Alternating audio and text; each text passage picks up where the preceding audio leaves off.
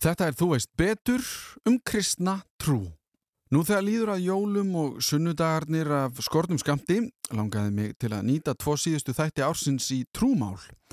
Eftir sletta viku þá sest ég niður með Hilmari Erni Alseragoða og við ræðum ásatrú og allt sem henni tengist en áður en ég sleppi honum frá mér þá langaði mig til að rifja upp þátt sem ég gerði um jólinn 2020.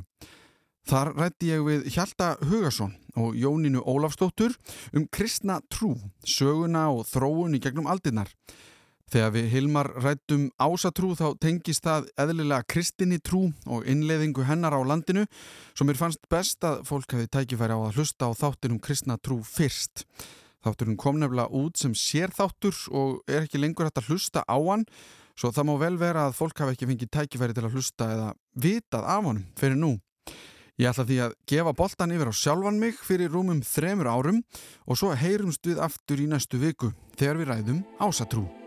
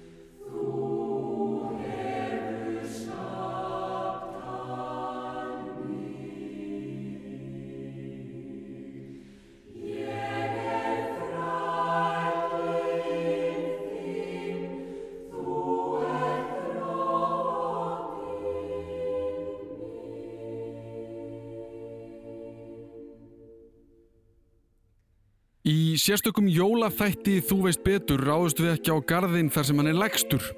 Einn stærstu trúabröð heims, sem við Íslendingar þekkjum nú frekar vel, er viðfangsefni dagsins og ætti kannski ekki að koma á óvart svona á jóladegi. Þátturinn í þetta skipti er lengri, mun lengri en áður, en ekki hlaupið að því að fjallum sögu, nútíð og framtíð kristni, sem spannar auðvitað meira en 2000 ár. Gestir þáttarins eru tveir í þetta skiptið. Við byrjum á því að fara yfir sögu kristni með Hjalta Hugasinni sem byrjar á því að kynna sig sjálfur. Já, ég heiti Hjalti Hugason og er prófessor í kirkjusögu við Guðfræði og trúabræðafræði til Háskóla Íslands.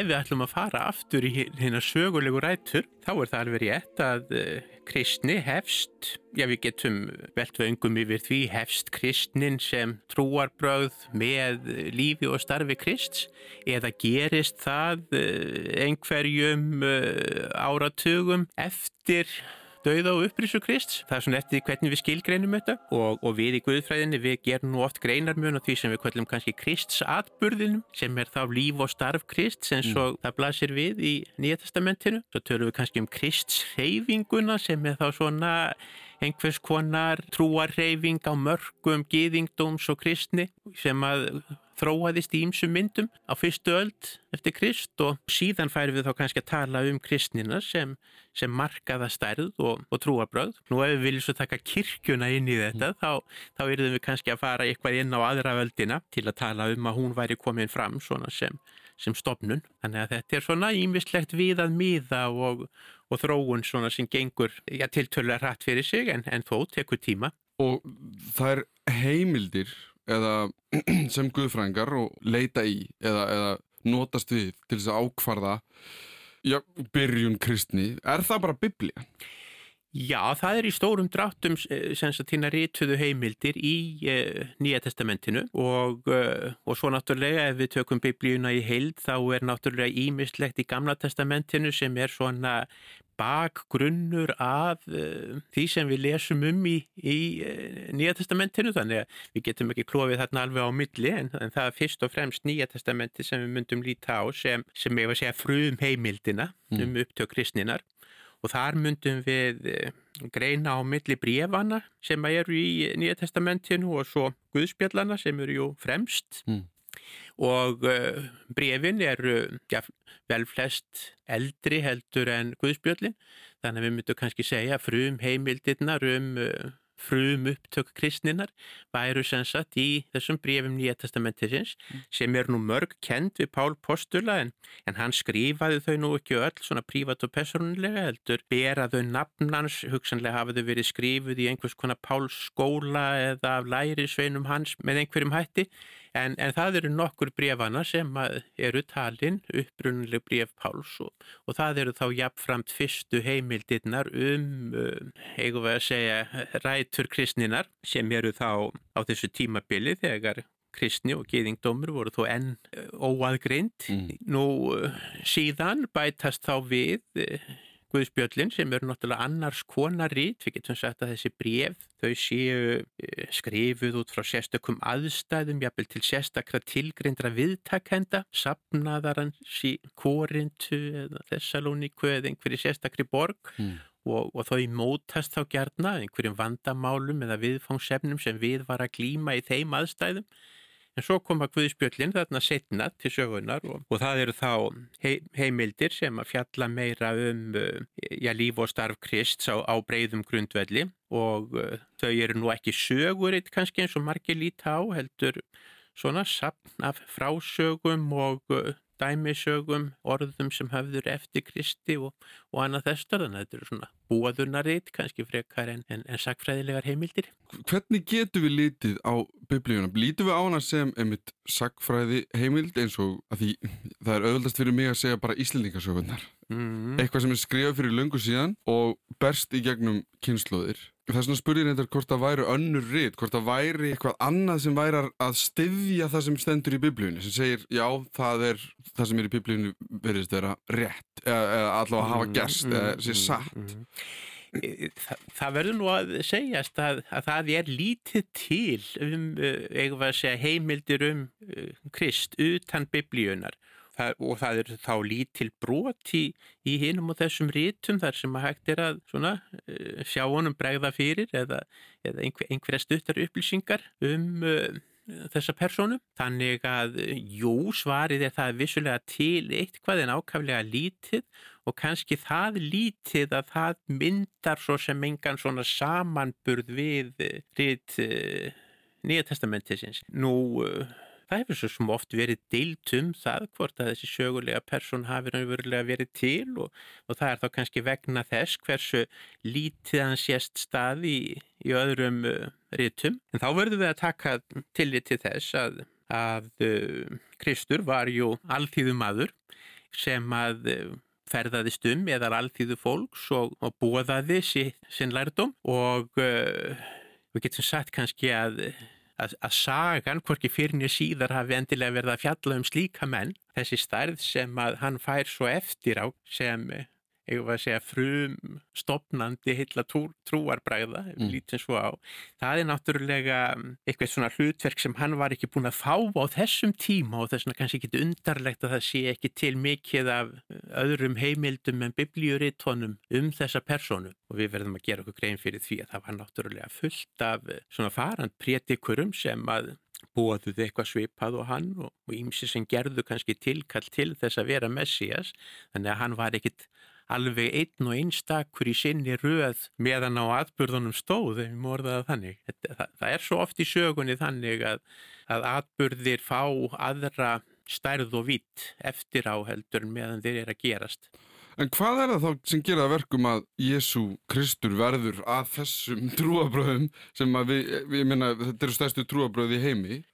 Og, og það er þessi leindadómsfulla spurning sem mm. að Eh, verðt er að velta fyrir sér í, í raun og veru og uh, ef við lítum bara á þetta út frá ég var að segja, atbyrðarásinni eins og hún gæti blasað við svona úr einhvers konar, ef við reynum að setja okkur í stöðu samtímamannana, Mm.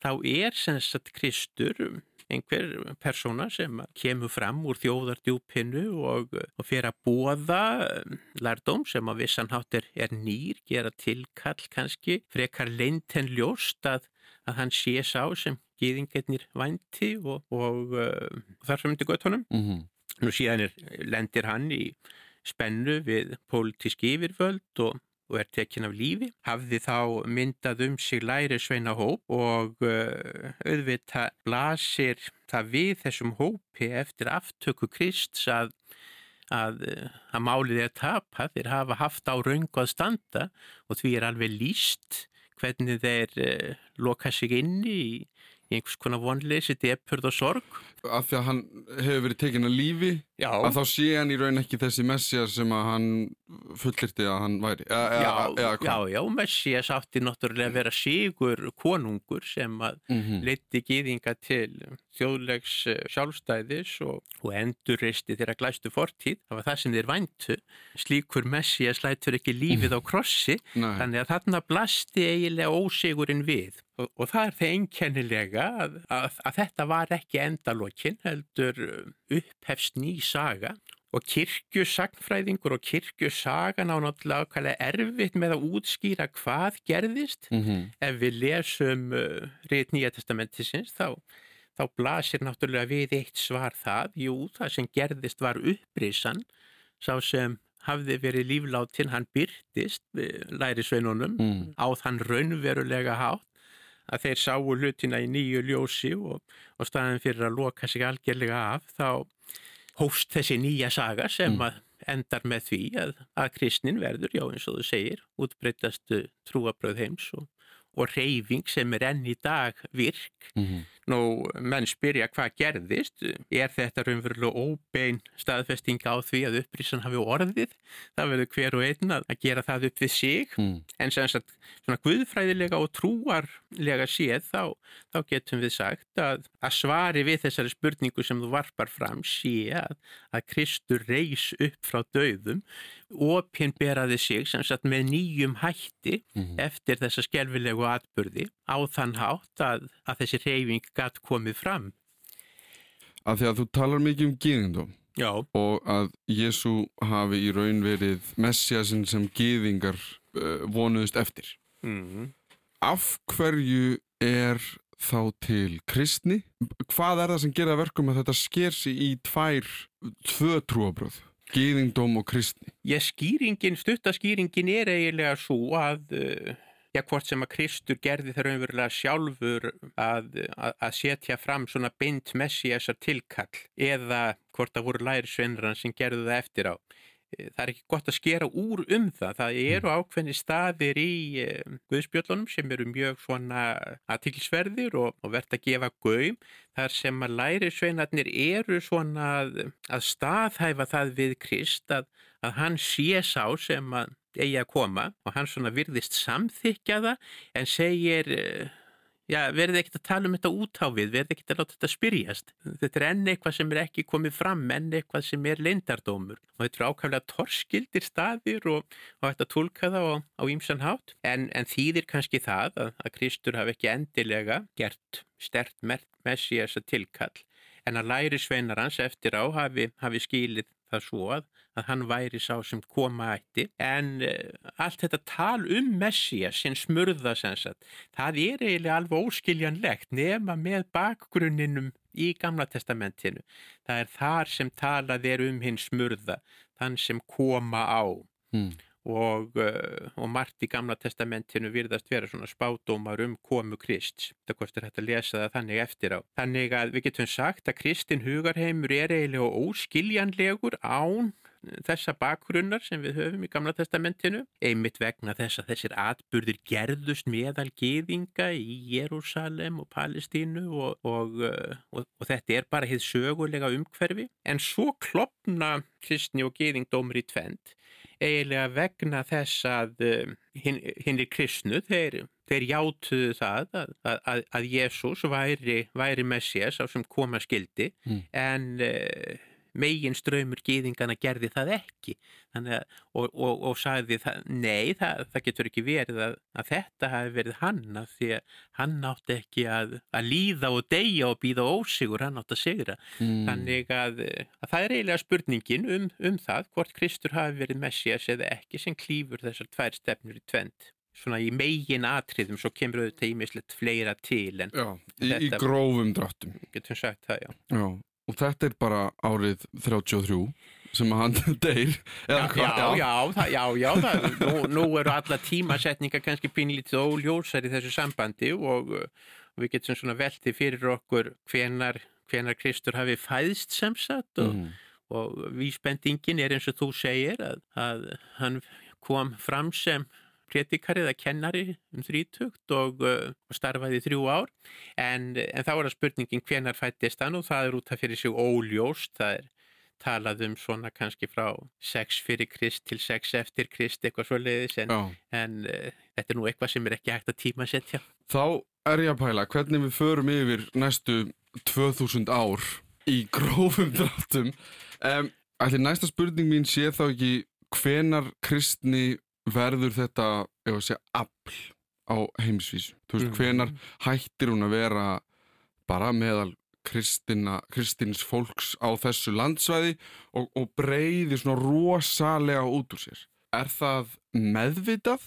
Þú veist, var þetta kristin bóð mm. me mestmægnis eða, eða einhvern veginn breytist þetta út mann, mann frá manni eða, eða Þarna held ég að við verðum að uh, horfast í augu við að, að það er uh, tvent að gerast í raun og veru. Annars vegar er kristnin að koma fram svona sem, uh, eitthvað að segja, svona hugrænstærð, trúarbröð, menningarlegt form og eitthvað í þá veru.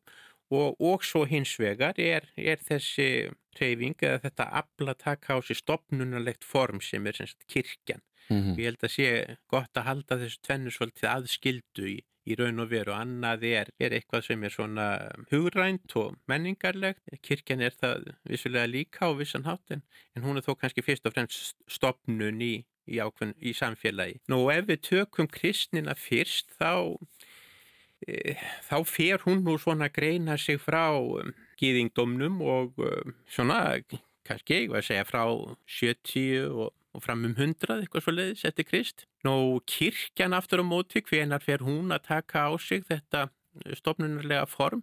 Þar getum við farið að tala kannski um uh, aðra öldina, í kringum 150 þá sé kirkjan orðin svona bísna skipulöð stofnuna að ymsu leiti. Er það af sko, er það áhrif frá öðrum trúabröðum eða er kirkjan eitthvað sem að kristni, ef að segja, býr til eða að því maður heyrir um sko samkómuhús meðal, eða sko synagog, ég veit ekki hvað já, það þýðist það, það er nú oft talað um samkunduhús Sam, á íslensku, já, samkund... en auðvitað er það nú eiginlega bara samkómuhús Já, Va, þú veist, ég er að velta fyrir mig sko hvort að þeir hafi tekið einhverjar hugmyndir frá öðrum trúabröðum eða hvað trúabröð hafi verið til Fyrir, það, er fyrst, það er þá fyrst og fremst gýðingdómurinn sko, við getum aðeins aldra við það kannski að, að um daga Krist þá var hann eiginlega svolítið tvískiptur. Annars vegar var það sem sagt uh, svo gýðingdómur sem gýðingar í uh, Palestínu stunduðu og sem sagt uh, þunga miðja hans var musterið í Jérúsalem þar sem voru færðar fórnir og þær mátti hverki færa annar staðar enn í sem sagt musterinu. Mm -hmm. Þannig að þetta var svona mjög staðbundið form af uh, tilbeðslu. Nú uh, síðan byggu gýðingar aftur á móti drift út um stóran hlut af Rómvarska heimsveldinu, eða minnstakustum allt miðjararsvæði meir og minna og uh, þar urðu þeir að, að yfirka trú sína með einhverjum öðrum hætti heldur en í musterinu mm. og þar koma þessi samkundu eða samkomu hús inn í myndina. Þetta eru sem sagt nokkus konar svona sapnaðarheimili þar sem söpnuðurinn gýðinga kemur saman og, og yðkar trúna og síðan í mislitt annað félagslíf. Og það er líklega þangað sem að kristnir menn sækja fyrirmyndirnar að, að gríðarlega miklu leiti mm. að, um, að svona uh, guðustjónustu hald og, og, og, og sapnaða starf kirkjunar á uglust að verulega miklu leiti rætur að rekja til þessara uh, samkundu húsa gýðingana og þannig að ég hugsa fyrirmyndirna séu langt mestar sóttar þangað og síðan koma náttúrulega inn önnur áhrif annar staðar frá. Nú síðan ef við færum okkur svoli til lengra fram í tíman þá markar fjórðaöldin gríðarlega þáttaskil í, sögu kirkjunar vegna þess að fram að 312 getum við kannski sagt þá er eh, staða kristni í Rómaveldi dál til tvísín. Það er að segja Rómverjar virðast hafa verið nokkuð umburðalindir gagvart eh, fornum trúarbröðum, það er að segja trúarbröðum með sögu og hefð, ekki gert mikið kannski til þess að róbla við þeim, mm. en svona ný trúarbröð og alls konar trúarlegur klopningur, það var svona eitur í þeirra beinum. Þannig að eh, að fram til upphafsfjörðu aldar þá er kristni já, í raun og veru bönnuð með að fellur utan laga ramma Eh, rómvarska heimsveldisins og þess vegna eh, eru gerðar svona ofsóknar hínur á hendur kristina manna alltaf annað slægi, þær eru kannski staðbundnar og standa ekkit voðilega lengi yfir en það er sem sagt tvísýnt að, að vera kristin. Mm. Afstafa eh, Rómaveldis til kristina breytist svo á fjörðuöldinni á þann hátt að svona kringum 312 er hún leið og, og kristni menn fá þá svona tilveru rétt og getum kannski kallað að trúa bræðafrelsi mm. og síðan aftur undir lokaldarinnar þá er kristni raunverulega gerða ríkistrúi í Rómaveldi og þá byrjar þessi... Fyrir ekki, hvenar er hún gerða ríkistrúi? Svona kringum 380.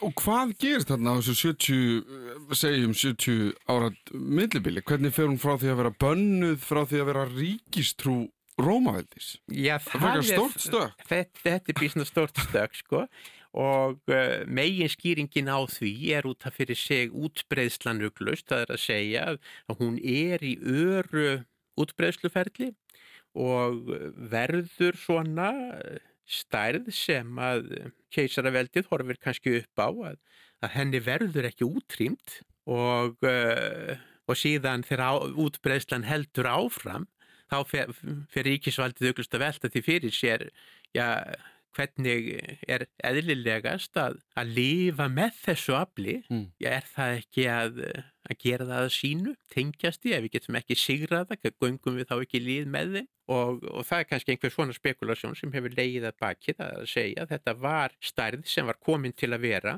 átti framtíð fyrir sér og borgaði sig að, að veðja á. Og þarna myndast eiginlega forsendan fyrir því að, að ríkju og kirkja fara að tengjast og eignast sameinlega hagsmunni og, og að kirkjan síðar e, gatt horfið þessi gríðarlega valdastofnun sem hún varð. Og hverjir eru þeir hagsmunir? Þú veist, hvað, hvað sjá þeir, nú hef ég lesið Sapiens bókina eins og margir aðrir mm. og það er til dæmis talað um bara að partur af því sem gerur okkur mannleg og, og, og er bara þessi Já, við bara göngumst oft við trú, það er eitthvað sem saminar okkur, það er bara alls kynns jákvægt og gott við það að segja, en, en sko, nú er ég eiginlega, ætli ég sé ekki eins rugglaði núna því að segja hvort ef að fara að tala um kirkjuna eða hvort að fara að tala um kristni. Já, ég skal nú ekkert ljáðir það að, að, að hérna, að ég erfileiku með það, þetta er, þetta, þetta er aðgreining sem er mikilvægt að gera en að sumu leit er þetta einn og sami hluturinn, þannig að að, að, að reyn aðgreining er ekki svo auðveld, mm. en, en þegar þú ert að velta því fyrir því að sko af hverju var þessi mikla breyting e, á fjörðu öldinni og e, hvaða hagsmunir voru í spilinu, e, þá held ég að þú hafið svara þeirri spurningu svolítið áðan þegar þú nefndir hugtakkið sameining. Mm. Það er að segja Rómverska heimsveldið var svona yfir þjóðurlegt uh, veldi sem kvildi kannski ekki á voðarlega föstum grunni í raun og veru og það sem skipti sköpum í, í þessu stóra ríki ef, ef átti að halda því sameinuð að einhverju leiti það var að það væri einhvers konar samnefnari einhver, einhver sameinlegur táknheimur mm. sameinlegar hugmyndir einhverju leiti sameinleg heimsmynd allir ríksvaldið hafi ekki séð eh, möguleikana sem að eh, fólust í kristninni til þess að byggja upp þetta, þessa saminningu. Það sé einskýringin. Það voru vist margir spámenn og spekingar á sama tíma og Jésu. Einhverjir töldu sig vera messja sem gýðingar höfðu beðið eftir en Jésu virðist ekki hafa látið fara mikið fyrir sér. Eftir upprisu Krist byrjar fólk að trúa meira og kristni sem trúabröð fer að koma undir sig fótonum. En það er einmitt dauði Krist sem er hugsanlega það sem skilur gýðingdóm og kristni að. Ásand auðvitað fleiri hlutum en hann spilar stóra rullu. Því Messias gýðinga átti aldrei að deyja. Rómarveldi er mikilvægt í sögu kristni, stórt og upplugt heimsveldi sem samþykir kristna trú og þaðan byrjar boltin kannski að rulla ef að soma á orði komast. En hvað með litla Ísland? Hvernig er saga okkar og kristni?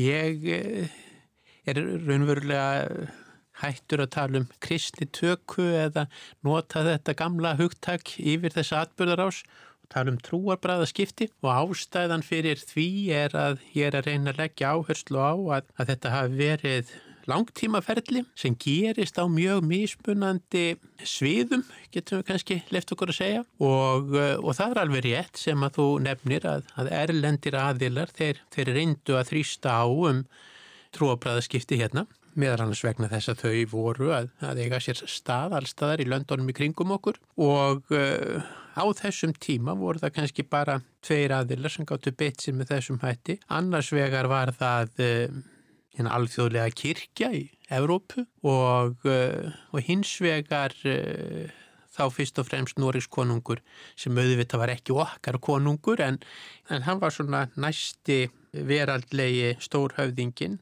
og all akkar tengst lágu til Noregs á þessum tíma. Þannig að, uh, að Noregs konungur hann gerir sitt til að þrýsta á hér. Möguleik hans eru mjög takmarkaðir vegna þess að hann er langt í burtu og hefur hér engin formleg völd og það sama má eiginlega segja um uh, hinn alþjóðlegu kirkju, hennar næsta miðstöð var í Hamburg og, uh, og þar satt herkibiskup og hann gæti svo sem ekki gert mikill en báðir þessir aðilar hafa uglust sendhingað trúbóða. Hvernig fer það fram? Vitu við það? Að því að sko eins og við tölum um að þá voru við mestmægnis ásatrúar, er það Já, ekki? jú, jú. Hversu vel er tekið í að það kom einhver útlendur aðili og byrja að segja, herðuð, nei, þetta er málið samkvæmt einhverju fólki sem að þið vitið ekkert hvert er. Já, auðvitað hafa viðbröð verið mjög smunandi og þegar við hugsum okkur trúbóð, segjum að hinga komi trúbóðar í dag, þá reiknum við með að þeir fari að ganga á milli manna og ræða við þá og reyna svona með rökum eða einhverjum frásögnum að, að snúa þeim svona hvað var þar afstöðu og, og skoðanir og eitthvað þessar og uh, hugsanlega var það gert á þessum tíma en það sem hafði langsterkust áhrif að því er virðist er að við lesum þessa gömlu teksta það var alls ekki það sem þessi trúbóðar sögðu heldur það sem þeir gerðu. Og þeir messuðu hérna Mm. voru með helgihald. Og það er eiginlega alveg ljóst að uh, norræni menn og, og Íslandingar hrifust gríðarlega mikið að kristnu messuflutningi eða kristnu helgihaldi. Og, uh, og það er til fullt af frásögum sem að fjalla um það að, uh, að þessi eða hinn hafi messað kannski á þingvöllum eða einhver staðar og menn hafi hrifist gríðarlega og þarna mættu þeim alls konar tákn og undur skrítir menn sem sungu framandi söngva voru með krossa og reykjelsi og alls konar tákn og, og það er greinlegt að þetta helgihald kristina manna það, það reyð og, og ekki síst svona á hátíðum það er talað um að ímsir Íslendingar hafi snúið sér eftir messu á jólum eða mikjálsmessu sem var svona stór haustháttíð haldin í lók september og þetta uh, reyf og hafði áhrif. Svo var það út af fyrir sig annað sem að hafði áhrif líka. Það er ef að kristnum mönnum tókst að sína með einhverjum hætti fram á að þeirra guð væri sterkari heldur en heldur en heiðnu guðinir og, og það var hægt að gera með þýmsum hætti. Og snýst það líka um því að þegar kristni varð trú Rómaveldis verið, þá verið að fara úr fjölgiðingstrú yfir í eingiðingstrú Mm -hmm. snýst þetta líkum þannig hjá okkur að, að það var einhver meiri styrkleiki falin í því að við erum ekki að trúa á marga heldur er að trúa á einn Það er kannski svolítið erfitt að segja til um það. Það, það virðist hafa verið svo í Rómaveldi til forna að, að þessi fjölgiðistrú, hún var svona hægt að fullnæja mörgum að þér virðist og, og menn voru svona farnir að hrífast af e, trúarkenningum og, og jáfnveil svona heimsbyggiströymum sem helduði fram að frum upphaf alheimsins væri eitt og óskipt og, mm. og eitthvað þessar þannig að að, að engiðistrú virðist svona vera, hafa verið farin að sækja á með einhverjum hætti svona nánast hvað var það í heimsmynd í Rómaveldi. En það er kannski síður hér norðu frá það, það er sem ekki fyrir það að sinja að, að svona trú á einn yfir guð og þá gerna tengdan ljósinu hafi eitthvað verið farin að gera vart við sig. Þegar er það ekki sonur Ingóls Arnarssonar sem á að hafa trúað sem sagt á, á guðu ljósins og látið mm. bera sig út undir frísloft þegar uh, hann fann dauðan nálgast. Þannig að það kann að vera en uh, ég held sem sagt að, að menn hafi sko skinnjað kannski yfirbörðina í helgihaldinu og einhverjum svona tákrænum undrum og, og stórmerkjum. En svo meigum við ekki gleima því að, að kristnin er ofbóðslega stopnunarleg trú. Það er tilfullt af trúabröðum sem að mynd ekki endilega utanum sig svo miklar stopnanir en, en, en kirkjan eða kristnin hún einhvern veginn myndar alltaf í kringum sig kirk með embættismönnum, með, með kerfi og, og reglum og mjög skipulög og það er kannski þessi skipulags hliðennar sem að eh, ollið í að, að hún síndi sig þegar til lengdar létt að vera sterkari heldur en norræni átrúnaðurinn sem alls ekki var svona stofnunarlegur. Mm.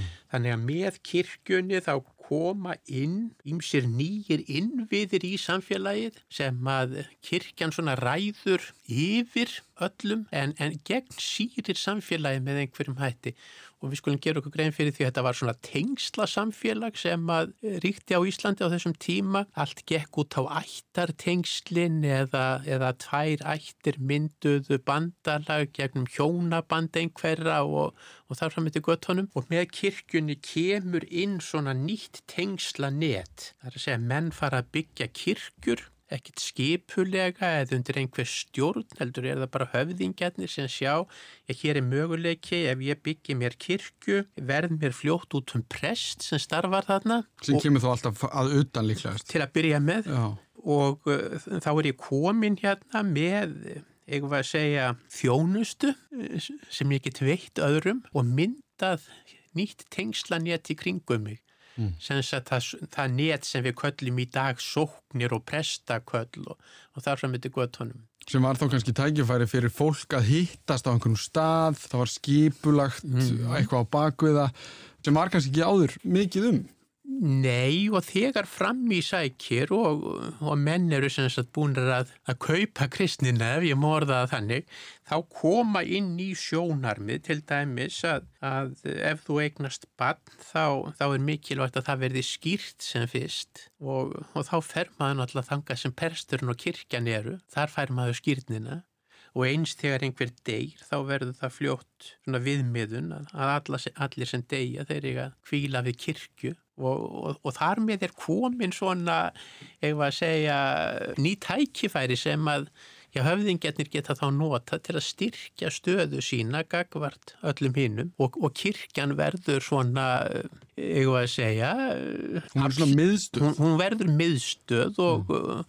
og þegar þessar miðstöð var fara að tengjast þá, þá sagt, myndast innviðir í samfélagi sem áður var tiltörlega innviðalust og, og, og, og kirkjan fer sem sagt að, síra allt samfélagið og við sjáum þetta bara til dæmis þegar e, eru liðin kannski svona 200 ár, 300 ár frá trúabræðaskiptum. Sem eru hvað ár? Já, sko, þá eru við... við það, það er nú venjan að miða við það að, að kristintakkan hafa átt sér stað árið þúsund mm -hmm. og við erum þá kannski að tala svona um tíma, tíman í kringum 1200 eitthvað svo leiðis. Þegar við erum komið þangað þá uh, er farið að skrá lög, það fara að myndast lögbækur og, og allir sem vilja taka þátt í hennu opinbera lífi þeir verða sér náttúrulega út um lögbókar handrit eins fljótt og verða má Og það eru hvað? Bara eins og landslög? Það eru landslögin, Já. það er farið að skrá landslögin mm. sem höfðu áður bara verið geimt uh, munlega og, uh, og síðan auðvitað er alltaf verið að taka afrit af lögbókum. Það fyrir að myndast mismun á milli lögbókar handrita og þá er sett svona regla til viðmiðunar að, að ef að lögbækur greinir á þá þarf alltaf að sagt, finna hvaða lögbækur eru mesta marka, eru op, þá opimbera stöðu mm. og það verða lögbækur biskupanna og ef að þær greinir á þá er það lögbók biskupsins í skálholti sem ræður og eins er það með uh, mál og vok til dæmis ef að þú ert í viðskiptum og vilt vikta eitthvað þá er náttúrulega mikilvægt að þú sért með opimberlega viðurkent lóð er það ekki mm -hmm. til að vikta með og ef menn vildu stilla vógina hjá sér af þá áttu þeir að miða við lóð eða met eins og það var kallað skálholtsbiskups. Og þetta er ég að segja til að sína fram á það hvernig kirkjan, þessi nýja stofnun sem myndar upp í stöðuna í innviðum samfélagsins fer að gegna svona reglugefandi hlutverki varðandi lögbækur landsins, varðandi rétta mæli hverða í viðskiptum og hín og þessu. Og, og þetta þetta er á vissan haft kannski styrkur kirkjunar, það er að segja við lítum á kerfi og stopnarnir nú á dögum oft sem fjöturum fót, en á þessum tíma var þetta kannski styrkur þetta var stopnun sem gætt komið inn með þessum þunga og gegn sírt þetta samfélag á ég var að segja 200-250 árum. Og er það þarna þá sem við upplifum að það sem samband ríkis og kirkju byrjar að, hvað maður vefja, svona þarna, samtvinnast? Þarna fer þetta einmitt að samtvinnast og, eh, og uh, það er oft talað um að, að kristnitakkan hér hafi verið friðsöm, trúasbræðaskriftin gengið tilturlega greitt fyrir sig, ekki verið svona framrásar tímabil og bakslög og eitthvað í þá veruna, heldur hafi þetta bara verið svona ég var að segja samfeld, kannski tilturlega hæg þróun í eina átt og ástæðan fyrir því var að höfðingjarnir, þeir tóku kirkjuna annarkvort upp á sína arma eða, eða tók hana bara yfir þannig að, að það voru raunverulega þeir höfðingjastjættin sem var að byggja upp þessa kirkju. Mm. Eh, prestarnir komu sumir úr höfðingjastjættinni, aðrir voru mentaði til prests á kostnað höfðingjastjættarinnar, biskupannir, þeir völdust úr ættum höfðingjana og þarna vefjast saman sem sagt kirkjan og, og veraldarvaldið í landinu, getur kannski talað um ríki á þessum tíma mm. því að Það var náttúrulega kannski bara ekki til. Það var ekki til í, í, í sjálfu sér, það var til svona skipulat allserja samfélag en, en, en það er ekki eftir að tala um það að það hafi myndast hér ríki fyrir en mm. setna. Að því að við erum að reyna að taka Ísland og síðan heiminn einhvern veginn í sömu andrá. Á þessu tímabili er kristina breyðast út á svipaðan hátt í kringum okkur? Já, já, já, hún er, hún er á framrás. Og þá allt frá Rómaveldi og, og, og bara svona einhvern veginn út frá því? Já, í raun og veru og, og sem sagt... Um, hér norðan til í, í Evrópu þá byggu svo kallar germanskir hópar og, uh, og þjóðir og þær er að taka kristni um þetta leiti. Ef við skoðum kristnitökku ferli annara germanskra þjóð og þá er það í sjálfu sér algjörlega sambærilegt og er að gerast hér. Það er, við veitum alltaf einhver staðbundin uh, frávik og sérkenni en uh, á hildina liti þá er trúabræðaskipti á Íslandi dæmi gerð germönsk trúabræðaskipti með ákveðnum sér íslensku myndkennum sem að stafa þá af þjóðfélagsgerðinni og, og þessu dreifða höfðingjavaldi. Og erum við þá að tala um Evrópu? Já, þá erum við að tala um norðanverða Evrópu. En, þú veist, ef við tökum bara næstu 300-400 ára eða eitthvað slíkt, hvað gerist þá hjá kristni svona heimsvísu? Já, það er nú kannski erfitt að, að, að summera þetta svona upp í, í stöttum máli en, en, en þegar þú uh, nefnir til dæmis rannsóknaréttin og, og ég misli þesta þá skulum við gera okkur grein fyrir því að, að Ísland var alltaf jáðarsamfélag skulum ekki endilega ímynda okkur að Ísland hafi verið svo ofbúslega einangrað en það var alltaf jaðarsamfélag, þetta var fámennisamfélag, þetta var dreifbílisamfélag og um, í slíkun samfélögum þá eiga svona, eiga að segja nýjar hugmyndir ofta erfitt uppdráttar, það er, það er auðveldara svona að, að sameinast um uh, einhverja heildar sín, eitthvað þar saman til göttunum, en þar sem borgir myndast og háskólar eru starfandi og, uh, og þar sem að um, þjóðfélagi verður miklu fjölgreindara heldur en gerist hér, þá sem sagt verður það óneittannlega svo að, að það eru ímsar um, hugmyndir sem riðja sér til rúms og fá mikla útbreðslu sem að um, engin uh, grundvöldur var fyrir hér í, í sjálfu sér vegna þess að, að hér uh, vantæði svona þá þjóðfélagshópa sem voru kannski reyfanlegastir og opnastir fyrir nýjungum og og þegar við erum komin svona þá til velin á miðaldirnar þá, þá er alveg ljóst að að kirkjan hún fer svona að, að glíma við ímiskonar innri klopning og svo ímiskonar hugmyndaströyma sem að eru kannski meira eða minna ósamrýmanlegir svona einhverju réttrúaðri kristni. Kirkjan reynda að þróa starfshættin á svona vissan hátt að, að laga sig að breyttu umhverfi Og svo þegar svo aðferð, sem við getum kannski kallað svona tilturlega mjúka aðferð, þegar hún gafst ekki vel, þá, þá var farið í hardari aðgerðir og, og reynd sem sagt að eh, varðveita eininguna með réttarhöldum og ofsóknum og, og pyntingum og, og kirkjan er ekkit saklaus, ég meina mm. hún var ríki í ríkinu og beitti svipuðu meðölum og aðrar valdastofnanir. En hvaðan kemur þetta? Er þetta Vatikanið? Eða sko að því það sem ég er að pæla er sko það eru teknar þessar ákvarðanir um að reyna þetta hildina eða, eða veist, þetta er réttaleiðin eða þetta er rángaleiðin. Mm. Hvaðan, hvaðan kemur þessi miðstýring sko? Er Vatikanið komið þarna?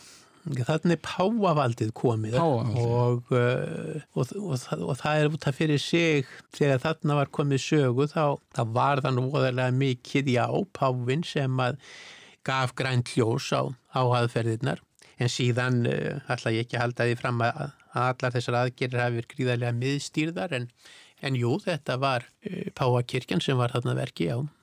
Og hvaðan kemur hún? Þú veist, hvernig verður hún til? Hvernig verður fyrst í Pávin valin? Sem er þá þessi heilaga, eða sko, ég veit ekki alveg hvernig, þessi útvalda eða, eða hvernig sem það er orðað með Pávan. Það verður mikið orðað þannig að það, það er svona samkeppni sko mm. um hver er fremstur, kannski fyrst fremstur meðal jafningja og, uh, og það var lengi þannig að, að biskupar svona í ákveðnum uh, stórborgum uh, keftu Eh, um það að svona, vera, vera áhrifamestur allavega og í austur hlutar rómverska veldisins voru stórborgir fleiri heldur en í, í vestrinu. Mm. og þar varð samkeppnin harðari og, og þar voru kannski fleiri sem að gáttu haldið eh, velli, andspænis biskupn til dæmis í Konstantinópel eitthvað svo leiðis en í vestur hluta Rómverska ríkisins þá var borgarmenningin ekki komin á sama skrýð og í austur hlutanum og, og Róm hafði gríðarlega mikla sérstöðu svona sem hinn hin forni miðpuntur Rómaveldis og, og það eru uglust þess vegna sem biskupin í Róm nær þessari einstöku stöðu í í vestur Evrópu að hann sítur hérna í gömlu höfuborginni. Menn voru bara vanir því að, að hlýða boðskapnum frá Róm. Þaðan útgekk valdið og, og þetta er nú líklegasta skýringin á, á þessu valdi páfa en svo er það líka undirbyggt á allan mögulegan hátt. Það eru til svona helgisagnir um að Pétur og Pál postular hafi e, starfað í Rómaborg Pétur verið fyrsti biskupin þar, þeir látið lífið í uh, ofsóknum í Róm og uh, Páatnir hafi, hafi verið eftir menn Péturs á, á biskupstóli í Rómaborg mm. og, uh, og þetta er náttúrulega svona heilög saga sem er hægt að nota til þess að undirbyggja vald og þetta hefur spilað saman svona einhvern veginn mm. í hugum fólks. Þessi veraldlega hlið sem að byggðist á rómar hugmyndafræðinni og, og svo trúarlega guðfræðilega hliðin sem að kvildi þá á, á helgisögnunum Pétur. En biskupanir hérna heima, af því að höfðingjarnir, sem eru þá í hverjum landsluta eða eitthvað Já, slíkt já, já, eða, já, já, þeir, þeir voru dreifðir um landið. Já, já.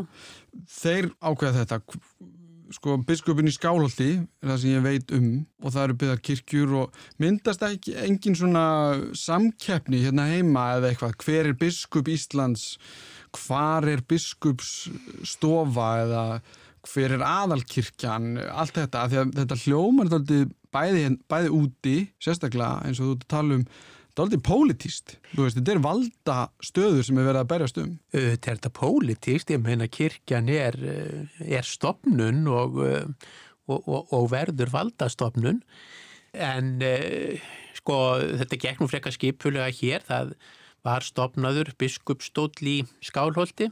Miðum oft við 1080 í því sambandi að um það leiti þá hafi sem sagt eh, annar biskupinn í, í Skálholti gefið eh, Skálholt stað svona sem eh, biskupstól og, og, og sagt að þarna skildi biskup búa meðan land væri byggt og kristni átuð og, og þá var búið að ég var að segja festa biskupsembættið. Fram að þessum tíma sko þá, þá hefði það bara flust á milli landsluta þar að segja nú vildi þannig til að um, að sonur er valin eftir föður og þeir búa í skálholti og sonurinn gefur skálholt.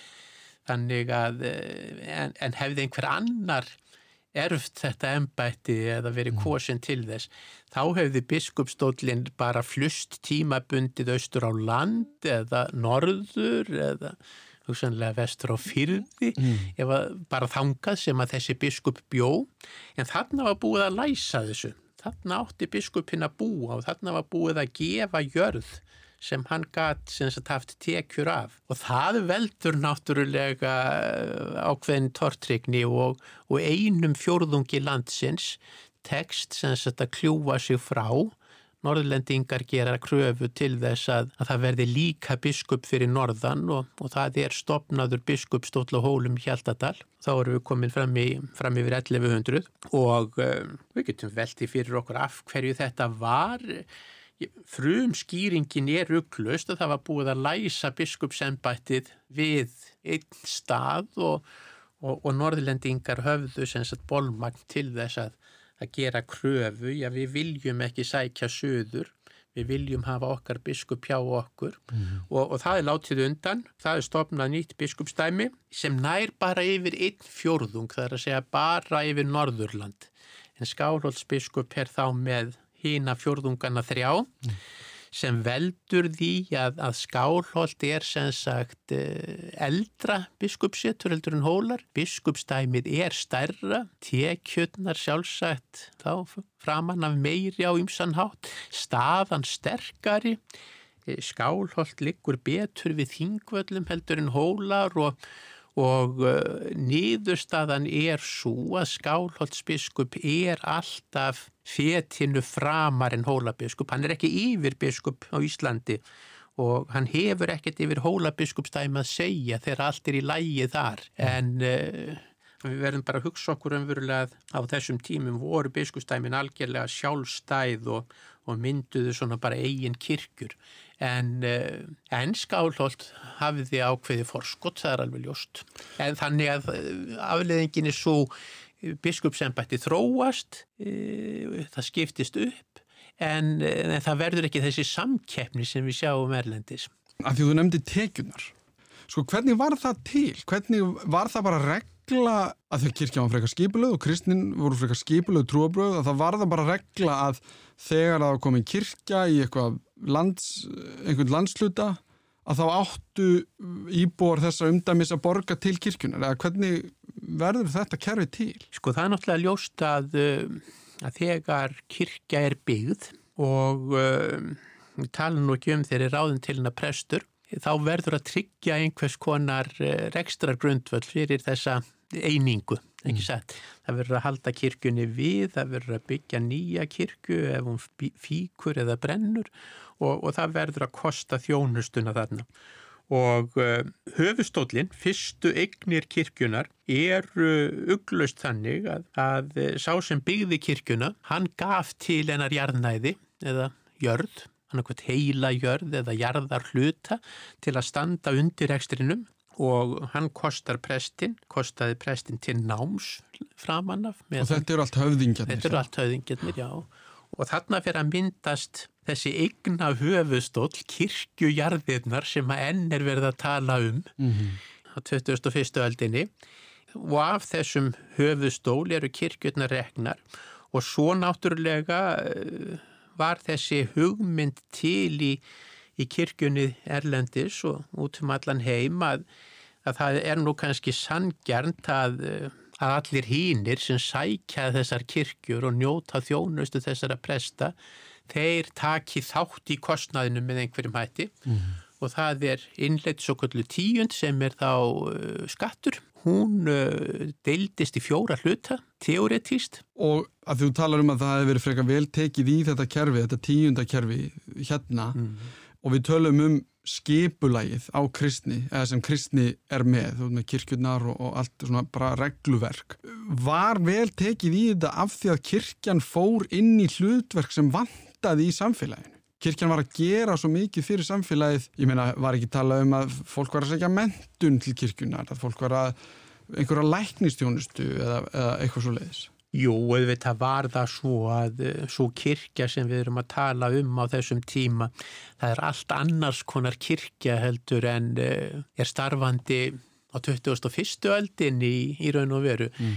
Núna myndum við segja að, að þjóðkirkjan væri eitt af mörgum trúfélugum í landinu að vísu með hansi sérstakka sögu og fortíð e, og, og, og þar af leiðandi aðra stöðu heldur en e, önnur trúfélög en, en ég held að allir myndi skilgreina kirkjuna núna sem, sem trúfélag fyrst og fremst mm. en á þessum tíma sem við erum að tala um og alveg e, fram til loka bændasamfélagsins og þá eru við komin bara ansinæri 1900 mm.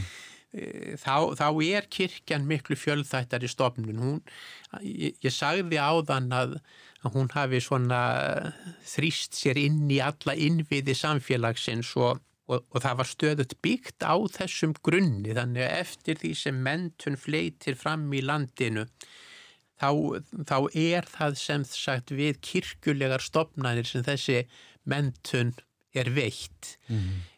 Síðan eh, þegar við förum að tala um alþýðu fræðslu og eitthvað þessar þá eru komin inn á 19. öldina þá, eh, þá er svo fræðsla veitt vissulega heima fyrst og fremst en svona undir eftirlit til prestsins presturinn húsvitjar fylgist með e, námi hjá, hjá börnum og við ferminguna er, er þetta allt saman prófað og og séð til þess að, að börn hafi náð þessari þeirri þekkingu sem Já. samfélagi krafðist nú af því að við erum að sigla hraðbyr inn í bólusetningatíma mm -hmm. þá, þá var það svo í kringum miðja 19. öld að, að pressnemar þeir áttu að læra að, já ekki bólusetja, heldur setja kúabólu, það er að segja þá var farið að vinna gegn bólusótt með því að að, að sagt, koma móteitri inn í líkamann. Og það var gert á, á hátt sem ég ætlum endilega að fara að lýsa hér en, en prestar áttu að sjá um þetta. Þeir áttu að eiga stíl af ákveðin tegund og, og þeir áttu þegar áþurfti að halda að varðu veita kúabólur skurðn af, af bólusótar bólum, það er mjög skilst og, og, og senst að koma þessum því móteitri sem var að finna í eh, þessum uh, þessu skurðni fyrir í sárum á, á þeim sem voru bólusettir.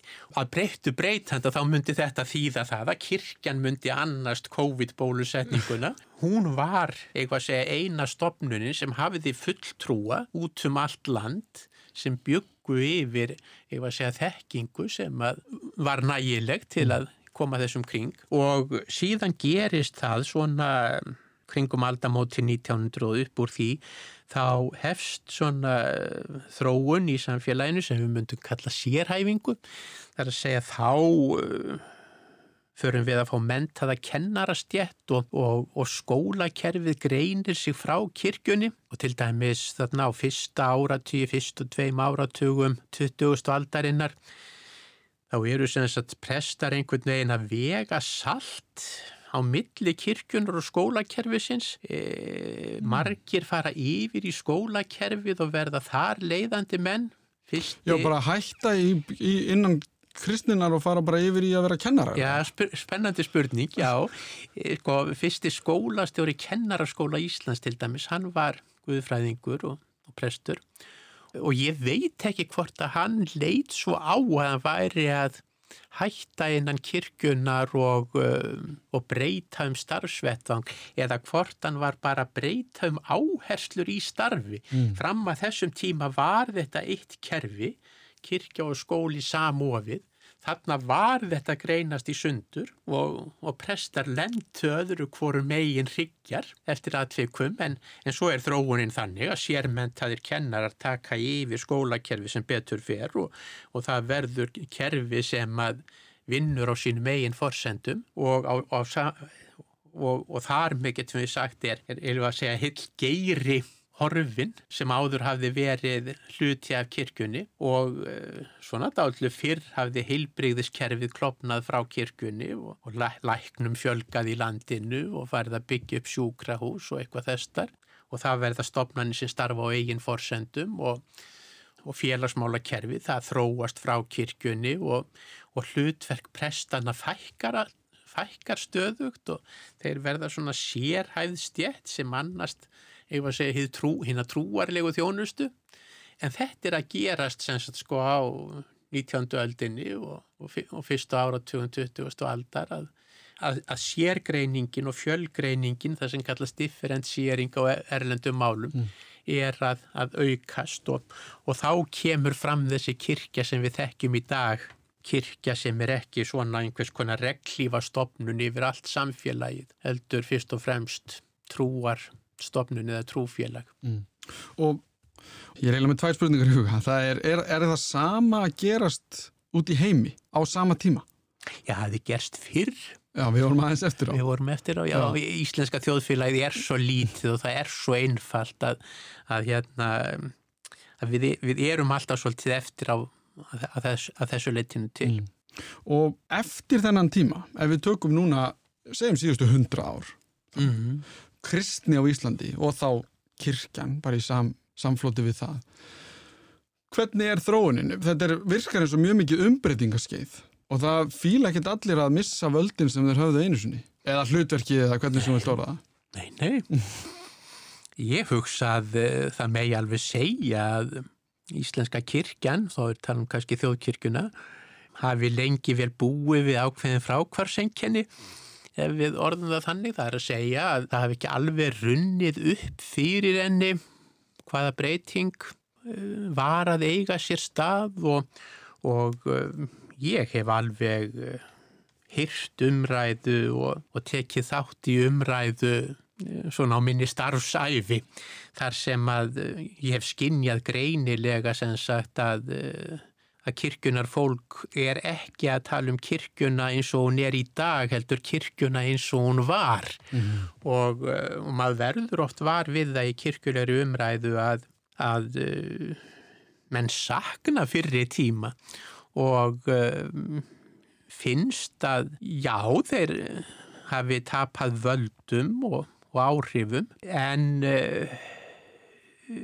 þá held ég að að menn sé nú að einfalda hlutina dál til mikið og gerir sér ekki grein fyrir því að uh, þessi kirkja fyrri alda, hún, hún var ekki bara kirkja, þetta var líka svona stopnun, stopnun valdastopnun með uh, að sumu leiti fallega ásýnd en líka mjög dökka skugga eins og allir, allar valdastofnanir. Og í raun og veru ef við horfum á þessi mál út frá svona guðfræðilegu og trúarlegu sjónarmiði þá held ég að kirkja nætti miklu frekar að finna til gríðarlegar frelsunar í, í raun og veru sko. Hún er ekki bundin af öllum þeim skuldbindingum við samfélagsins. Sem hún hafði áður á ímsum sviðum sem að eh, lágu kannski ekkit endilega vel fyrir henni ef ég morðaði þannig. Eh, það er að segja kirkja sem vil vera eh, hefur að segja trú uppbrunanum og þá erum við að líta tilbaka alveg til Krist mm -hmm. hún á ekki að vera valdastofnun. Hún á að vera einhvers konar rödd í samfélagi mm. og, og kirkja fortíðarinnar hún það var ekki gaggrínin kirkja sem hafiði endilega svo brínan boðskap að flytja hún var miklu líkar í ríkin heldur en kirkju Það má kannski segja að kristni og kirkjan sé búin að fara stóran ring á þessum 2000 árum. Trúabröðin spretta út frá boðskap Krist og þróast svo áfram sem afl til góðs en í gegnum árin hefur hún breyst og kirkjan að vissuleiti tekið á sig hlutverk sem hún var ekki búin til fyrir. Hlutverk sem hafa síðan verið tekin af henni með innlýðingu innviða hjá ríkjum. Við förum ekki til prest svo látum bólusetja okkur heldur á heilsugjæslu. Við sendum börnin okkar ekki í kirkju til að menta sig heldur skóla. Kirkjan og kristnin hefur þar á leiðandi þurft að endur uppgöta sig og leita aftur í uppbrunnan. Leita 2000 ára aftur í tíman og kjarna sig ef svo má orði komast. Til að tala eins meira um nútíðina og velta fyrir okkur framtíðinni fekk ég til mín Jóninu Ólafsdóttur prest sem byrjar eins og hjaldi á því að kynna sig sjálf. Eh, ég heiti Jónina Ólafsdóttir og er prestur í Garða á Sörbæða prestakalli. Eh, það er sérst eh, Akraniskirkja og, og Innraholmskirkja og Hallgrímskirkja í Sörbæ og Leirárkirkja. Þetta eru fjóru sóknir sem er búið að sammeina.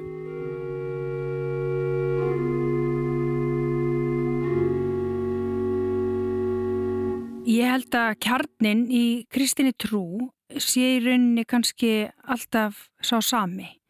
Grunnurinn ennþann dag í dag og öllum tímum er, er þetta að kærleiki Guðs til okkar, mannfólksins, eh, sem við miðlum svo áfram til samferðafólks okkar. Og ég held að sé alveg sama á hvaða tímum við erum að velta fyrir okkur kristni, að þetta er alltaf þessi svona sameinlegi boðskapur og kjarni sem við getum tengt við á öllum tímum og skiptir kannski ekki öllum máli hvernig aðstæður við tölum inn í sko. Og kirkjan er, það, hennar hlutverk sko, er á svo margan hátt að vera hjálparstofnun. Hún vil aðstóða og styrkja manneskjöna til betra lífs hún vil hjálpa henni að leita sínum grunngildum og halda þeim við. Við erum náttúrulega sem þjóðkirkja evangelísk lúterskirkja og, og við störfum um all land og það er, það er í bóði fyrir alla landsmenn að tilheyra þessari kirkju og það er náttúrulega sko sem starfandi prestur að þá get ég kannski svona aðeins miðla því að það er, uh, það er mjög ólíkt starf til dæmis að vera prestur á höfuborgarsvæðinu og út á landi. Hvernig þá? Uh, það er miklu meiri nánt út á landi, út á landi. Já í minni samfélögum þá, þá þekkjast allir og, og það er svona, þú hittir fólk út í búð og, og spjallar við það þar og, og það vita svona svolítið allir að þú ert presturinn á staðnum en það er kannski svolítið annað hér í bænum og það er eiginlega sko, það má eiginlega segja að þessi tvö ólík störf sem að gerir að vísu þetta frekar heillandi starf sko En svo er það náttúrulega líka svo óbúslega fjölbreytt. Eh, við við erum að tala inn í, í aðstæður fólks á óbúslega mísjöfnum tímum í lífið þess.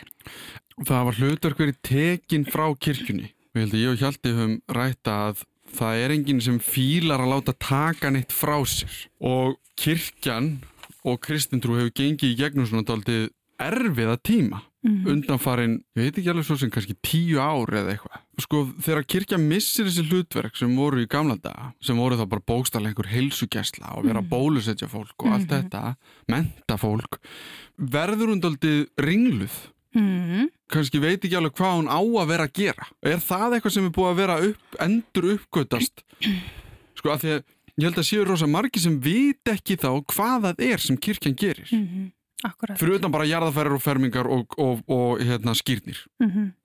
Við eigum nefnilega, þetta er alveg, alveg rétt sem hún segir, við eigum oft erfitt með að staðsitja hvaða hlutverk kirkjan hefur í mm. dag Uh, ánæg mitt að vera áfram hluti af því sem við köllum í nútíma samfélagi velferðarkerfinu áleggja áherslu á kristni í skólum. Meina, er, þetta, þetta eru svona stóra spurningar sem við höfum verið að ræða undarfarna ára tugi mm.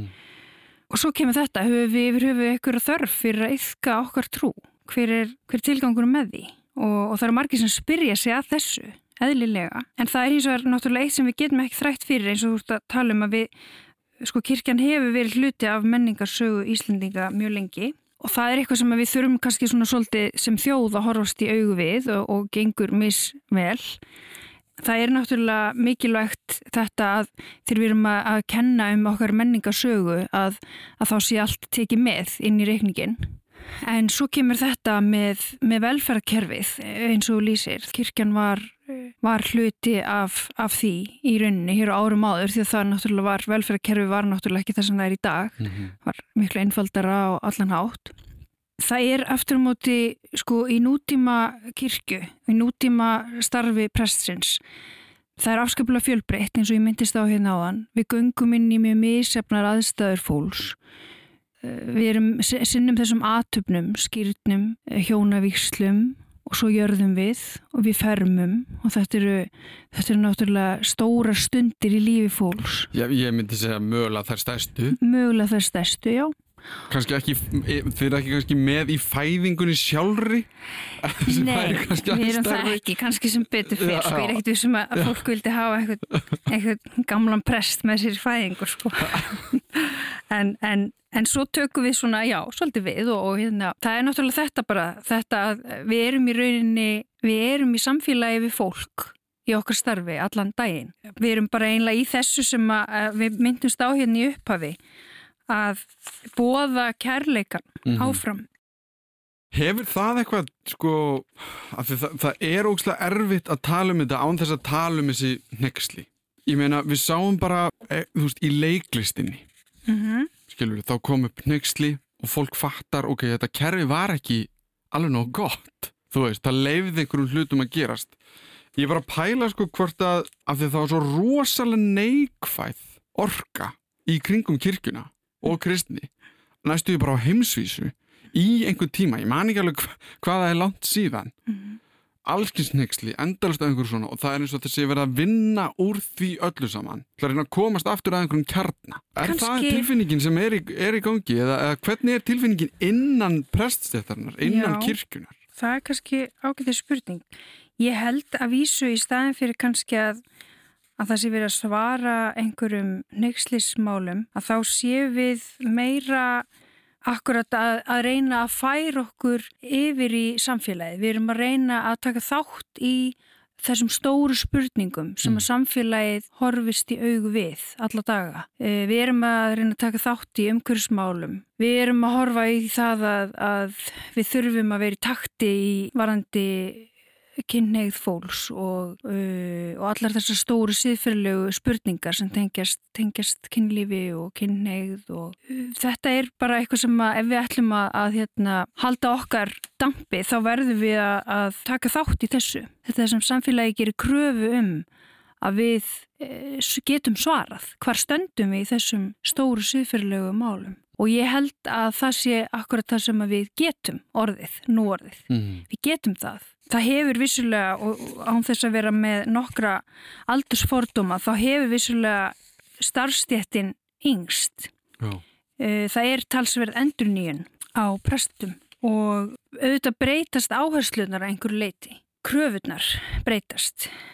Ég sem prestur eh, fætt 84 hef alveg klárlega ekki sömu áherslur og, og prestur sem er fættur í kringum 57, skilur. Mm -hmm sem er bara eðlilegt. Ég er ekki að segja að mínar séu betri eða verri en, en þær eru bara öðruvísi. Þær eru bara öðruvísi. Já. En prestur sem er fættur segjum bara 50 mm -hmm. og prestur sem er fættur 84 mm -hmm. eru þannig prestar innan sömu trúar, innan, innan kristni. Ég er bara að pæla sko prestur sem er fættur 50 og prestur sem er fættur 84 mm -hmm. Þeir eru saman innan, innan kristni Já. en er með mismöndi tólkanir á kristni eða trúabröðunum eða hvernig rauninni, veist, eins og akkurat. það sko Já. er það ekki rugglandi? Um, ég held nefnilega einmitt að það sé ótrúlega mikilvægt að mm. sé daldi stór flóra í þessu, þessu batteri sem við köllum kirkja í dag uh, við, það, það sem við erum svolítið að reyna að gera sem, sem kirkja er að byggja brú yfir í samfélagið við viljum geta nálgast allar manneskjur á þeirra fórsöndum og einmitt er það rugglandi það fer svolítið eftir því sko, hva, sko við höfum alltaf okkar först, fasta punkt. Það er þessi kjarni sem við göngum út frá og ef við erum með hann á hreinu og vitum hver hann er sem ég lísti hérna í upphafi sem er þetta að, að við erum bóða þennan kærleika sem við viljum síðan bóða áfram til annar mannskja. Mm.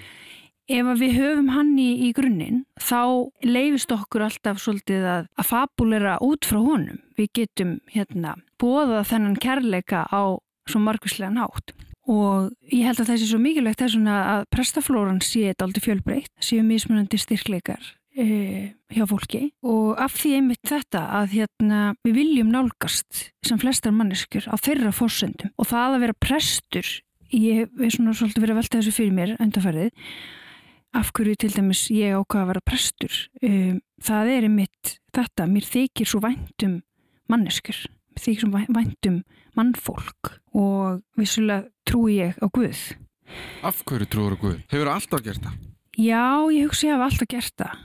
Um, ég ólst upp út á landi þar sem maður var ekki mjög reglulega að fara í sunnudagaskóla eða, eða mjög reglulega að fara í messur en ég fór svona í þessar jólamessur og, og páska og þessar hát, hátíðamessur. En jú, ég hef alltaf trúa á Guð. Uh, ég, fann, ég fann styrk í því að trúa á Guð mm. og mér fannst mér fannst það hjálpa mér en, en, en ég hafði alltaf þessa trú að, að trúarlíf fólks um, það hefði gæti haft mjög jákvæð áhrif á andlega líðan fólks e, það er það sem að, að er svolítið grunnurinn í, í mínu hugarfari. Það er þetta að við vitum líka reyndar að rannsóknir hafa sínt fram á að trúin hún hjálpar okkur á okkar erfiðust tímum í lífinu. Um, þegar við uh, lendum í áfalli sem að allir óumflíjanlega þurfa að horfa stjögu við á lífsleðinni að þá, þá hjálpar það okkur að hafa trúna. Við sjáum bara í rannsóknum að fólki vegnar betur sem að trúir mm. eftir áföll.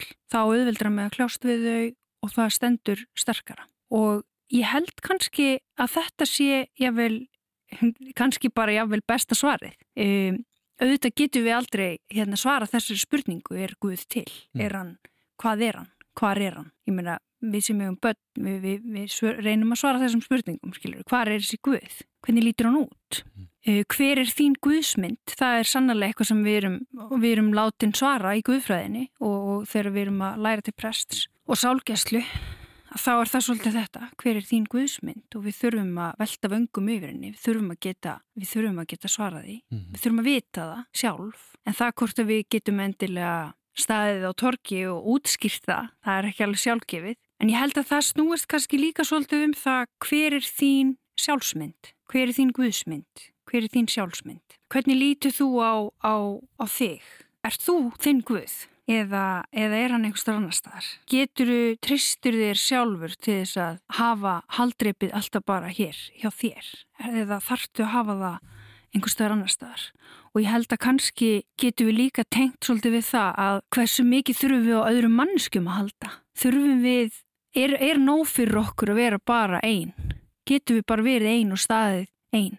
Er ekki gott að vita til þess að við getum leitað á einhvernur mið? Er ekki gott að vita til þess að við getum haft trú og tröst í einhverju öðru? Einhverju æðra en, en við? Einhverju æðra, en svo getum við líka tengt að við það að aðrar mannskjur hjálpa okkur mjög mikið. Það er hjálpa okkur í, í samskiptum, það er hjálpa okkur í samlíðan og samhegð. Viljum við standa bara einn, alltaf. Og það er einmitt kannski þetta sem við erum að, að tala svolítið um í, í kirkjunni. Það er þetta að, að okkur líður betur ef við höfum eitthvað aðra, ef við höfum eitthvað, eitthvað haldreipi í einhverju sem við trúum á og við finnum styrk frá.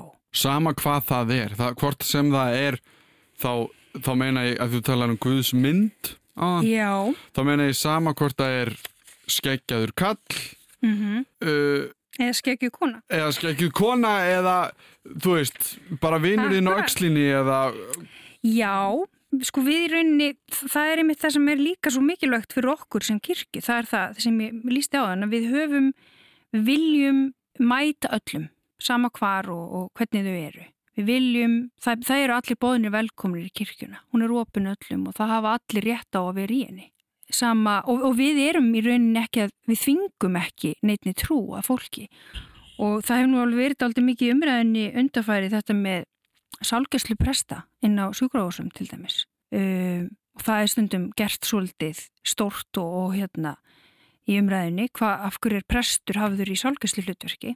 Ég held að það sé alltaf mikilvægt að við áttum okkur á því á undarförnum áratugum að þá hefur sálgesla presta aukist mjög mikið og það eru gerðan miklu meiri kröfur til þess að prestar læri sálgeslu, hafi mentað sig á því sviði. Mm -hmm. Því við vitum, við vitum í prestastjættinni að það er ekki neinum holdt að það sé verið að krukka í sálum fólks ef þú ekki hefur lært til þess og ef þú ekki hefur sjálfur gengist við sjálfum þér. Og það er það sem við erum látin gera. Mm -hmm. Og þessi aukna sálgesla er, er mjög, mjög, það er farið að leggja mjög mikið upp úr henni okkar starfi. Og það, það er svona, það er svona, er það doldið sárt, ég segi ekki sko, já, það er, það er stundur svolítið sárt þegar, það vegið að því hlutverki okkar presta eins og inn á sjúgrásunum uh, af því að við erum ekki þar að bóða trú. Uh, við, við, erum, við erum með samlíðan og við hlustum á fólk. Við göngum, við bjóðumst til að ganga með því í gegnum erfileika af því að við höfum okkar styrk, við vitum hvar hann liggur. Og ef við vitum það þá er það svo sem nóg fyrir okkur. Við þurfum ekki að tróða því upp á aðra. Og þess vegna er afskaplega mikilvægt að, að við kannski svona, já við áttum okkur svolítið á því að, að hlutur presta í dag er, er farið líka snúast svolítið meira um samfylg við fólk á erfiðum tímum í lífið þess. Og, og það er þessi samfylg sem byggir á nærveru og hlustun byggir á trúnaði og virðingu og umhyggju og burt sér frá allri bóðun. Og ég held að þetta sé kannski svona aðeins að færast í aukana þessi, kannski má segja, þessi, þessi skilningur prestsins að hefa hann er staðfastur í sinni trú og sínum styrk að þá getur hann auðveldlega miðlað kærleika án þess að klína upp á, á viðkomandi sínum eigin sinni einn trú eða sínum einn trúabröðum og ég held að við förum bara aftur í grunninn sem við byrjum á, sem er alltaf svo gott að minna sig á, það er þetta. Það er þessi kærleiki Guðs sem við trúum á og getum svo miðlað að því kærleikur ég meina kærleikur er bara það eiga samtal, kærleikur er samvera. Kærleikur er, er að horfa í augunum fólki og og hérna leifa því að finna að, að þér ekki vænt um það og leifa því að finna að þú ber virðingu fyrir því því sem það er að segja. Það þarf ekki að, hérna, endilega koma, koma inn á trúarbröð sko. og hlutverk okkar sem presta er bara svolítið þetta um, nándin, samtalið og hlýja og, og, og hérna, að ganga með fólki bæði gleði stundum og sorgastundum og það er líka mikilvægt um minnumst þess að gleði stundirnar þær eru nefnilega líka, þú þarf líka að ganga með fólki þar. Þær getur líka verið erfiðar. Það getur verið, það getur verið stór stórt skref sem þú ert að taka þér og giftir þig og skýrir þitt litla bann þegar þú ert nýbúin að eiga það. Þetta er alveg svona tóltið, massífir Þetta eru massífi dagar. Þetta eru massífi dagar, svona mm. stóra stundir.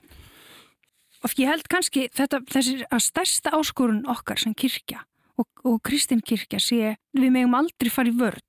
Við megum aldrei hlaupa í vörn. Við þurfum að vera auðmjúk alltaf og vera tilbúin að, að sína skilning af því það er það sem við bóðum öðrum manneskum, við viljum hjálpa öðrum manneskum að, að sína skilning. Og þess vegna þurfum við að ganga svolítið undan í því. Fara ekki vörn. Mm. um leið og um leið og maður bakkar í vörn þá er maður orðindaldi svona harður og, og kaldur maður er tilbúin að taka svolítið vel á móti en við þurfum að vera auðmjúk. Og því við sem manneskjur þurfum að vera auðmjúk. En framtíðin Já, hvernig sérðu, hvernig sérðu framtíðina og, og kristni þróast í framtíðinni? Sko, Stór horfum... spurning. Ég fyrir bara mér niður Ef við horfum bara á Ísland sko, ég held að það sé held við þurfum svona kannski svolítið að Já, við tökum bara Ísland. Held við þurfum svolítið að minka okkur bara niður í það. Já Við náttúrulega sem Kristinn Kirkja sjáum það að uh, ef við horfum til dæmis bara á badnastarf í kirkjunni það er nú oft gott að maður lítur til framtíðar að horfa á börnin. Barnastarfi í kirkjunni er mjög vel sótt mm. uh, og hefur verið í áratugji og er, við sjáum það þar að börn sem koma í barnastarf, það eru börn sem að er að læra bænir heima á sér, þau kunna bænir og, og þau vilja koma. Það er náttúrulega kannski aldrei áhugavert að skoða þetta því að uh, þarna sjáum við svolítið hver framtíðin verður. Þetta er þetta eru framtíðar einstaklingarnir og þau munu, sagt, þau munu vita hvað kirkjan er. Þannig ég held að við þurfum ekki að hafa neina sérstaklega áhugir á því. Ég held að við sem kirkja munum standa tröstum fótum áfram. Uh, ef við vitum sjálf hver við erum, þá þurfum við held ég ekki að óttast. Og ég held að við vitum það. Auðvitað er þetta, þetta er, þetta er uh, stór hreyfing.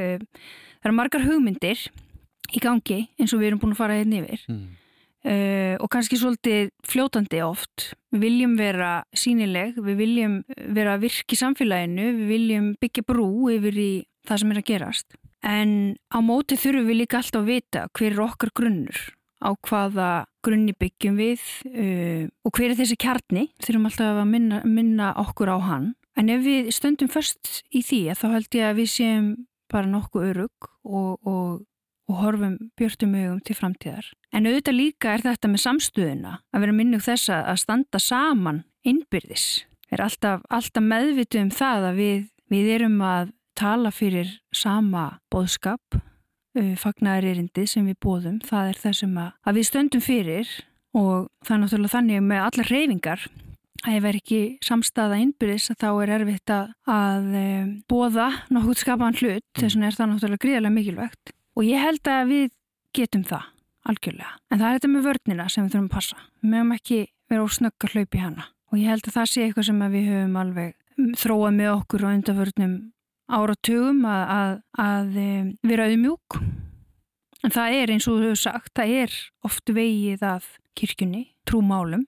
Trúmál eru stóra, það eru stóra spurningar þar og þau hafa haft gríðarlega áhrif í heiminum eins og við veitum. Það hafa orðið stríð og það hafa orðið styrjaldir en við sem þjóðkirkja held ég að séum nokkuð örug og vitum hvað við stöndum. Við þurfum líka að vera meðvituð um það að halda áfram þessari þjónustu sem við veitum, halda áfram að, að minna okkur á þetta hlutverk okkar sem er svolítið farið að snúast meir um þessa samfylg og, og, og eftirfylg til dæmis við fólk, við erðafarir og andlát. Mm. Eh, það er mjög stórt, eh, það er mjög eh, stórt batteri í kringum það sem að krefst bæði skipulagningar og, og svo líka þess að vera nálægur í aðstöðunum. Þarf að sína, að sína virkilega mikla nærgætni á þeim stundum, fjölskyldum sem eiga um sárt að binda. Þar kemur, komum við aftur inn á þessa nærveru og hlustun og þetta er náttúrulega stór, mjög stór partur af okkar starfi Það er þetta að, að veita fólki hlýju á þessum á sorgarstundum í lífið þess. Og svo náttúrulega því að við erum nú kannski hérna að það er nálgast jólinn að þá er náttúrulega sá tími, hann skapar ákveðnar tilfinningar og hughrif. Jólinn eru svolítið fjölskylduháttíð, háttíð barnana og það er ekkit allir á jólum sem að geta verið með sínum nánustu náttúrulega fólk sem glýmur við erfiða sjúkdóma sem er, er fastinn á, á stofnunum og, og yfir háttíðarnar og við erum náttúrulega núna að glýma við sérstaklega erfiða tíma þar sem við megum helst ekki við erum mikil í nánt við annað fólk og þetta, er, þetta hefur verið mikil áskorun að, að taka sálgislu við töl á þessum tímum þar sem þú ert, þú ert aldrei fjallagur og þarf það reynir á aðra hluti og þarf það að horfa ekstra mikið í augun á fólki og, og hérna, vera minnugur þess að, að þú ert nálagur þó þú sést með grímu og þó meir ekki koma við hendunar á fólki. En jólin eru, þau eru, þau eru gleðileg og þau verða alltaf gleðileg í, hérna, inn í hjartanu. Þau koma alltaf. Sama hverjar aðstæðunar okkar eru, þá koma þau alltaf og við getum verið vissum það. Kirkjuklökunar ringi alltaf jólin inn, sama, sama hvað er.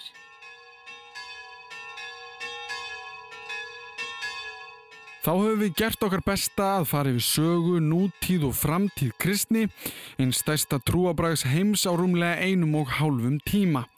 Markmið þáttarins var aldrei að komast kannski að einhverju einlegri niðurstöðu, heldur einungist að fræða um fyrirbæri sem er allt í kringum okkur, þá sérstaklega á tímum eins og þessum, jólunum sjálfum. Ég er vissulega mun fróðar um kristni og ég vona þið séu það líka. Það eru auðvitað alltaf hægt að hlusta á þáttin aftur í rúf spilaranum en ég þakka Hjalta og Jóninu kærlega fyrir að koma til mín og útskýra svona margt fyrir mér og ykkur. En gleðilega háttíð, þetta var Þú veist betur um kristni.